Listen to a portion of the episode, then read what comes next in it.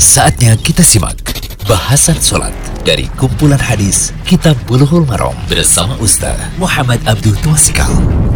Alhamdulillah, salatu wassalamu ala rasulillah wa alihi wasallam Kali ini kita berada di audio ke-25 Masih dalam kitab Bulughul Maram, kitab sholat tentang azan.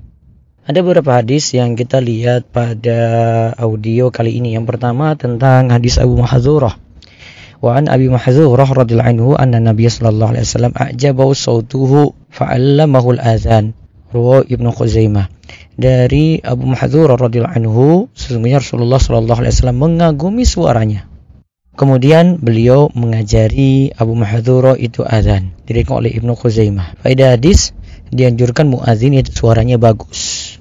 Ya, dianjurkan muazin itu suaranya bagus. Yang kedua, memperbagus azan ini maksudnya tidak boleh ada lahan atau kesalahan lafaz dengan harokatnya berubah, berhentinya ada yang kurang atau sebagian huruf ada yang berkurang dan ada yang bertambah. Kemudian kita lihat tentang azan hari raya. Apakah ada tuntunan ataukah tidak? Hadis 184 dari Jabir bin Samurah radhiyallahu anhu qol Sulaitu ma'an Nabi sallallahu alaihi wasallam al-idain ghaira marratin wala marrataini bi ghairi azan wal iqamatin rawahu Muslimun.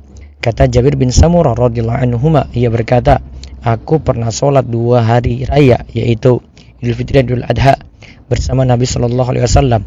Tidak hanya satu kali atau dua kali tanpa azan dan iqamah. Hadis riwayat Muslim. Dalam hadis 185 disebutkan wa nahwuhu fil muttafaq. Hadis serupa juga ada dalam riwayat Al Bukhari dan Muslim.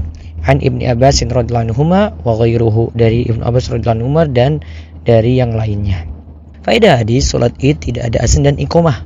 Ini sudah disepakati oleh para ulama Ingat ya, salat Id, Idul Fitri, Idul Adha tidak ada azan dan iqamah. Yang kedua, hikmah tidak ada azan dan iqamah adalah karena tujuan azan untuk pengumuman masuknya waktu sholat. Sedangkan sholat Id tidak punya waktu tertentu dan tidak dibatasi. Punya sudah masuk waktu duha sampai menjelang waktu duha itu berakhir atau menjelang duhur, maka itu masih boleh melaksanakan sholat Id. Kemudian yang ketiga azan untuk sholat id termasuk perkara bid'ah atau muhdas yaitu satu perkara yang baru dalam agama. Maka kita dilarang untuk berbuat bid'ah semacam tadi. Wallahu alam bishawab. Demikian bahasan sholat dari kumpulan hadis Kitab Buluhul Marom bersama Ustaz Muhammad Abdul Tuasikal.